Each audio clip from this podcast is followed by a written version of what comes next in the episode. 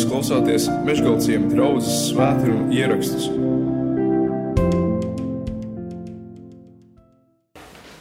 Jā, kā jau es sākumā teicu, šī ir nu, otrā reize jau šajā sērijā par Dieva darba biedriem.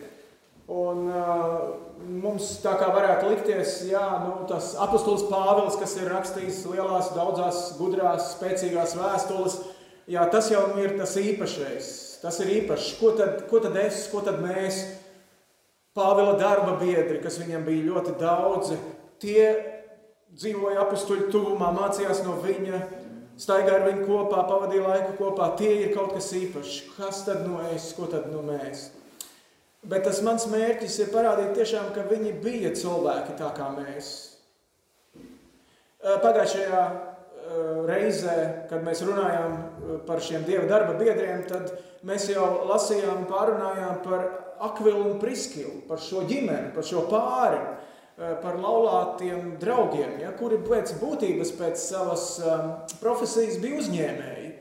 Ja, viņi gatavoja teltis un, un ar to arī pelnīja savus līdzekļus, taču viņi atvēra savas sirdis vispirms Dievam, un tad viņi atvēra arī saviem līdzcilvēkiem. Viņi atvēra sirdis un atvēra savas mājas. Un tajā brīdī, kad apustulam, apustulim Pāvilam bija vajadzīga palīdzība. Pat, tai, atcerieties, ka mēs runājam, pat tur bija pat kādas dzīvības briesmas, par kurām Pāvils saka, ka Akvila un Priskila lika savu galvu ķīlā viņa dēļ. Ja? Tad tur Akvila un Priskila bija blakus, un bez, bez viņiem, bez viņu palīdzības nebūtu apustuļa Pāvila varbūt lielā mērā. Ja? Un mēs redzēsim, ka arī, arī Apollam, par kuru šodien runāsim, arī viņiem līdzās bija Akvila un Priskila. Bet ko mēs par Apolu uzzinām? Jā, tātad no šī mazāka fragmentiņa, ko es tikko nolasīju, viņš ir jūds pēc tautības, kurš dzīvo nevis Palestīnā, nevis Jeruzālēmē, viņš dzīvo Aleksandrijā. Viņš nāca no Aleksandrijas. Un Aleksandrija tā ir Eģipte, ja? tā ir Ziemeļāfrika, piekrasta. Un tā tajā laikā bija lielākā jūdu kopiena vispār ārpus Palestīnas teritorijas, kur atradās uh, visvairāk jūdu sakoncentrēti vienā, vienā kopā. Uh, no Aleksandrijas tādiem pieciem rajoniem divi esot bijuši jūdu apdzīvot rajoni. Jā, tā kā varat iedomāties šī, šī, nu, šis blīvums, ne, kā, kā jūdi tur dzīvoja. Uh, Aleksandrija bija kultūras pilsēta. Aleksandrijā atradās viena izcila universitāte tajā laikā. Tā bija intelektuāla pilsēta. Eh, jūs varbūt arī jau būsiet dzirdējuši tādu jēdzienu kā Aleksandrijas biblioteka, kur glabājās eh, seni raksti, gan pergamenti, gan eh, papirusi, gan droši vien arī vēl, vēl senāki māla plāksnītēs vai kā. Aleksandrijas biblioteka, ja? Tad intelektuāla pilsēta. Arī Bībeles uh, tulkojums, kas ir septuaginta, ja, kas ir vecās derības tulkojums uz grieķu valodu, tas tapa uh, tur, Aleksandrijā. Uh, nu, lūk, un arī šis Apols, kā mēs lasām, ir ļoti labi izglītots. Viņš ir rakstu pazinējis. Viņš ir arī kristietis, viņš ir mācīts Kristus ceļā, tur ir rakstīts. Viņš ir arī dedzīgs orators. Viņš ir spējīgs runātājs. Nu, tas ir apmēram tā kā, uh, nezinu, doktors Ilmars Hiršs, ja, pēkšņi ierastos šeit pie mums, ne, un teiktu, ka viņš te tagad kādus pāris gadus padzīvos un, un, un sludinās šajā draudzē. Ja? Tas ir nu, kaut kāds liela mēroga cilvēks. Un, un viņš, uh, pētnieks saka, ka tas varēja būt 52. Uh, gads pēc Kristus, ja, viņš ierodās Efesā. Un, un Pāvils, eh, to mēs šeit lasām, ja? un Pāvils tajā brīdī, viņam arī, viņš arī bija saistīts ar Efesu, bet Pāvils ir devies projām uz Jeruzālēm, viņš ir devies uz Antiohiju, uz to eh, kas ir viņu izsūtījusi tajā misijā. Pāvils tur tajā brīdī nav, bet uh, Apols iet sinagogā un uh, sludina. Un es varu iedomāties, ka tās viņa runas spējas tajā pilsētā iespējams izsauca lielu ažiotāžu. Cilvēki nāca un klausījās. Viņš mācīja par Jēzu. sinagogā. Viņš mācīja dedzīgi un pārliecinoši, pierādījams, ka šis, šis Jēzus ir Dieva sūtītais uh, mesija. Un tomēr ir tāds dīvains teikums, ko mēs šeit lasām 26. panta uh, jā, otrajā pusē, ka viņu dzirdēja tātad arī Priskila un Akvila, un viņu aicināja pie sevis. Atkal viņi atver savas mājas, savu māju durvis un ieaicina tātad šo spējīgo sludinātāju pie sevis iekšā, un viņam vēl skaidrāk izstāstīja Dieva ceļu. Ja? Un man tas ir tāds bijis jautājums, jau arī agrāk lasot Bībeli, kas tad šim apolam pietrūka? Kas šim spējīgajam, dedzīgajam cilvēkam trūka? Un tā atbilde uh, iespējams ir tā, kas ir drusku iepriekš, 25. panta beigās pieminēts, ka viņš dedzīgi mācīja par Jēzu, kaut gan pazina tikai Jāņa kristību. Tātad runa ir par Jāni Kristītāju. Par Jāni Kristītāju mēs varam izlasīt Mateja evaņģēlī 3. nodaļā, Lūkas evaņģēlī 3. nodaļā, bet kopumā Jāņa vēsts ir kāda? Viņš saka, atgriezieties no grēkiem. Atgriezieties no grēkiem, nožēlojiet savus grēkus un parādiet to arī kāpjot ūdenī un kristoties. Savā veidā parādot to, ka jūs gribat nomazgāt sevi tīrus. Jūs pilnīgi ķermeniski to parādāt ja? ar kristību. Un to viņš nesaka tikai kaut kādiem pagāniem, viņš to saka jūdiem. Nožēlojiet grēkus, atgriezieties, debesu valstība ir tuvu, liecieties kristīties.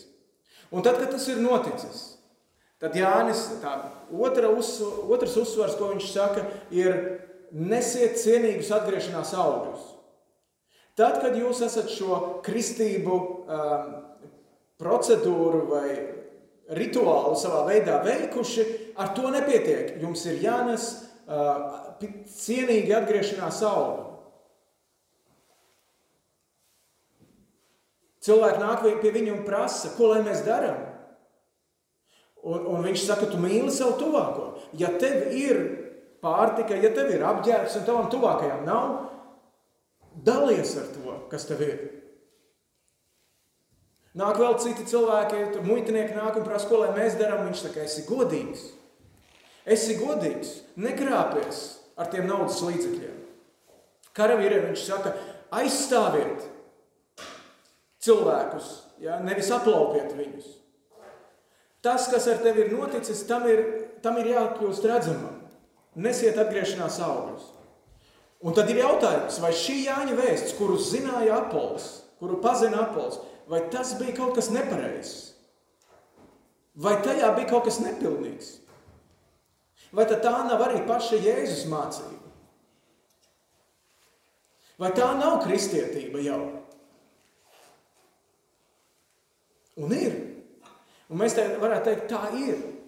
Un bieži vien es domāju, ka mēs arī, ja, ja mēs redzētu mūsu vidū kādu tādu cilvēku, kas visu šo ir izdarījis un tur un mēģina šādi dzīvot, tad mēs teiktu, super labs cilvēks.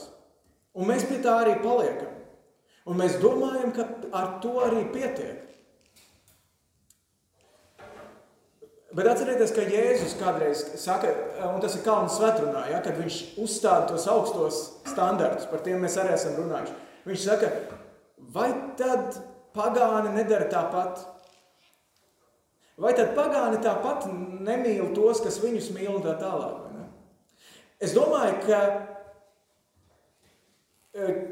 ka Jānis, viņš norādīja tālāk. Viņš, viņš savā vēstī vēl, vēl teica vārdus, pēc manis nāks viens lielāks nekā es. Neapstājieties tikai pie tās mācības, ko es te saku.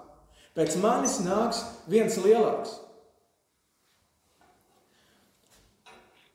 Redziet, vai kristietība nav arī šodien, un varbūt arī starp mums, apstājusies bieži vien pie šīs Jāņa vēsts.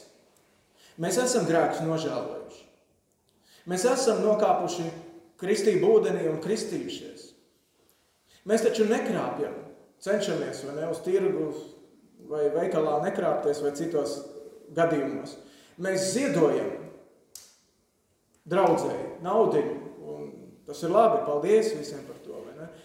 Mēs nelamājamies, mēs nesmēķējam. Un tas viss ir labi, bet vai ar to pietiek? Jo ārpus draudzes mēs atradīsim daudzus tādus cilvēkus, kas dzīvo tieši tāpat. Viņi tāpat nesmēķē, nekrāpjas, ne? Kur ir atšķirība? Kur ir atšķirība? Jo viņi ir strādājuši pie savas dzīves, un viņi ir tādu izveidojuši. Un tad arī mēs dažreiz nu, sakožam zobus un cenšamies to savu dzīvi pārveidot. Bet nav tā, kā mēs te dziedājām šajā pirmajā dziesmā, dievkalpojumā, viņš manu dzīvi ir pārveidojis. Norādot uz Jēzu. Brīnišķīgs. Viņš manu dzīvi ir pārveidojis. Un iespējams, ka šeit arī bija tas Apolla mīnus. Tā izpratne, sapratne par svētā gara uh, izliešanos, tas piedzīvojums, tas Dieva piedzīvojums uh, ar garu. Un Akvila un Prikskila, ja tā to var teikt, pamanīja un, un kaut kādā veidā norādīja uz to un, un viņu izlaboja. Un tas labais ir tas, ka Apols bija gatavs mācīties. Un tāpēc, ka viņš bija gatavs mācīties, viņš kļuva labāks sludinātājs, vēl labāks, kā viņš jau bija pirms tam. Apolam Jēzus kļuva vienkārši no vēsturiskas personības par personīgu piedzīvojumu. Attiecības ar Jēzu kļuva par Apola personīgu piedzīvojumu. Un tad, kad viņš vēlāk dodas uz Korintu, te ir rakstīts Ahaja, bet tas ir tas reģions, kur atrodas Korinta, tad uh, tad tur viņš arī, kā mēs lasījām, plaši un veiksmīgi kalpo jūdiem, vēl dedzīgāk, vēl skaidrāk un vēl pārliecinošāk pierādīdams, ka Jēzus ir Mesija. Un tad, pēc kāda laika, pienāk ziņas Pāvilam, ka viņa dibinātajā draudzē Atcerieties, mēs pagājušajā reizē par to runājām, ka Korintā Pāvils eh, kalpoja pusotru gadu, uz vietas dzīvodams netipiski ilgi sev, ka tajā draudzē, kur nu tagad ir ieradies arī Apols, sāk parādīties šķelšanās.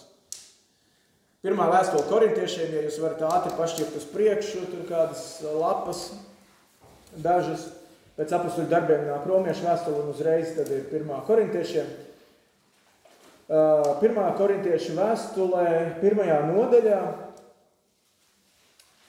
11. pantā, ja, Pāvils saka, man par jums, mani brāļi, ir pienākušas ziņas no Hlojas nama ļaudīm, ka jūsu starpā ir ķildes.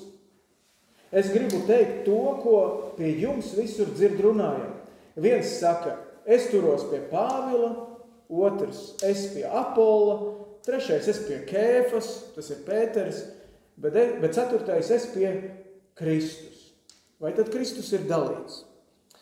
Un tā šķelšanās, redziet, notika personību dēļ. Atgādinu, ka pagājušajā reizē mēs runājam, ka Pāvilu izdzina laukā Korintā no tās, no tās, tās sinagogas, un viņš atrada Titija Justa nama, kurš, kuram ieeja bija tieši blakus sinagogai. Un tad tur bija tā, mēs varam tikai iedomāties, ka, ka sabatā ja, tad, tad jūdi iet viena daļa iekšā tajā sinagogā un daļa iet blaka blakus durvīm viena pagāna namā, kur sludina Pāvils. Nu, tā. Un tagad, kad Pāvils ir devies projām un ieradies ir Apols, tad atkal jūdi sāk teikt, es iešu iekšā tur sinagogā, tāpēc, ka tur ir Apols. Un tie saka, nē, bet es vajag iet pie tā Pāvila, ja, tur, kur Pāvils iesāk sludināt. Un atkal notiek šī šķelšanās. Ja? Nu, es tā to tā varu iztēloties tikai. Vai tā bija, tā nebija, grūti tā tagad varbūt restaurēt. Bet apmēram tā, šķelšanās, es pie tā, es pie tā eju. Ja? Skaidrs, ka Apols bija labāks runātājs nekā Pāvils. Viņš bija daļrunīgāks uh, orators.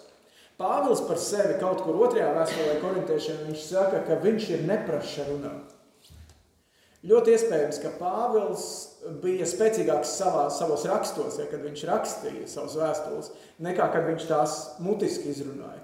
Es kādreiz paklausos arī to, tos ierakstus, eh, ko jūs arī mums šeit palīdz un raksta un publicē Spotify.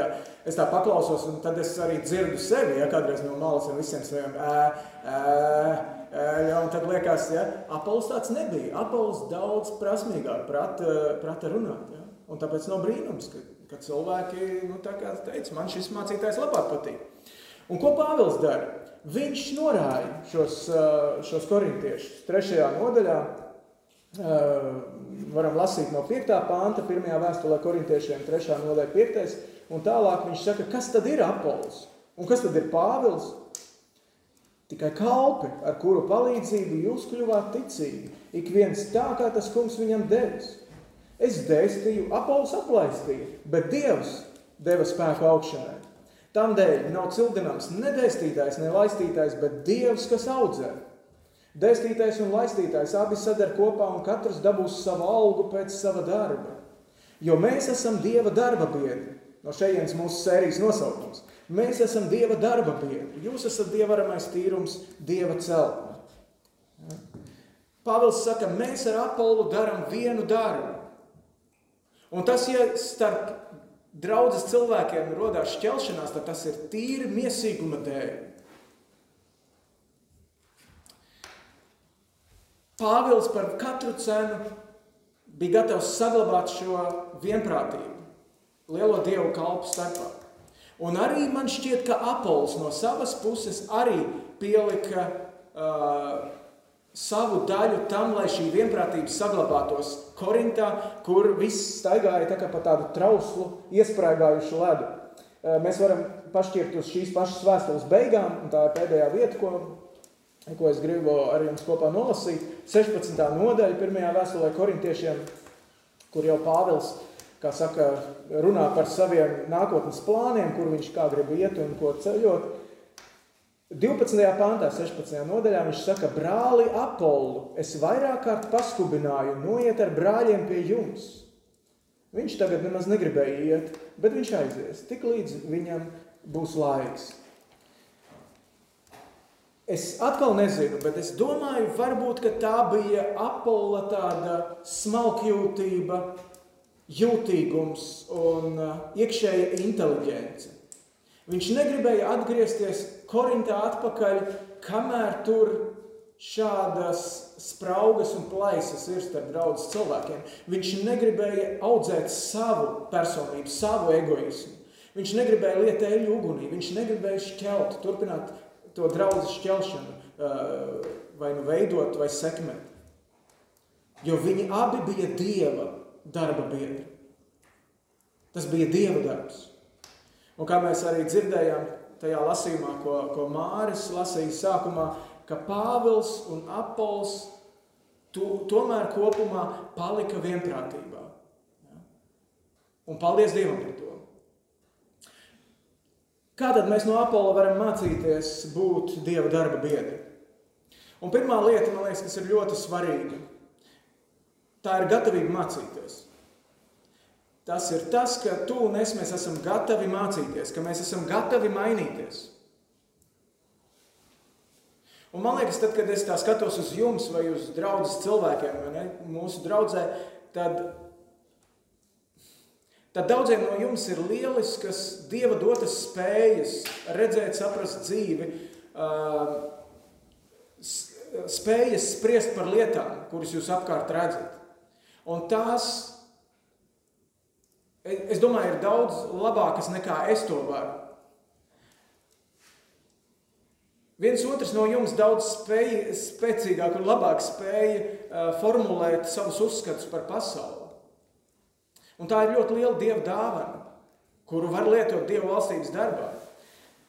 Bet esiet atvērti mācīties no dieva šo, šīs dāvanas izmantot. Mācīties no Dieva, jo tas jums neko neatņems no tā, kas ir jau jūsējais. Bet tas dos, ka būsim mēs vēl derīgāki ar savām dabīgajām dāvanām draudzes lokā, draudzes vidū.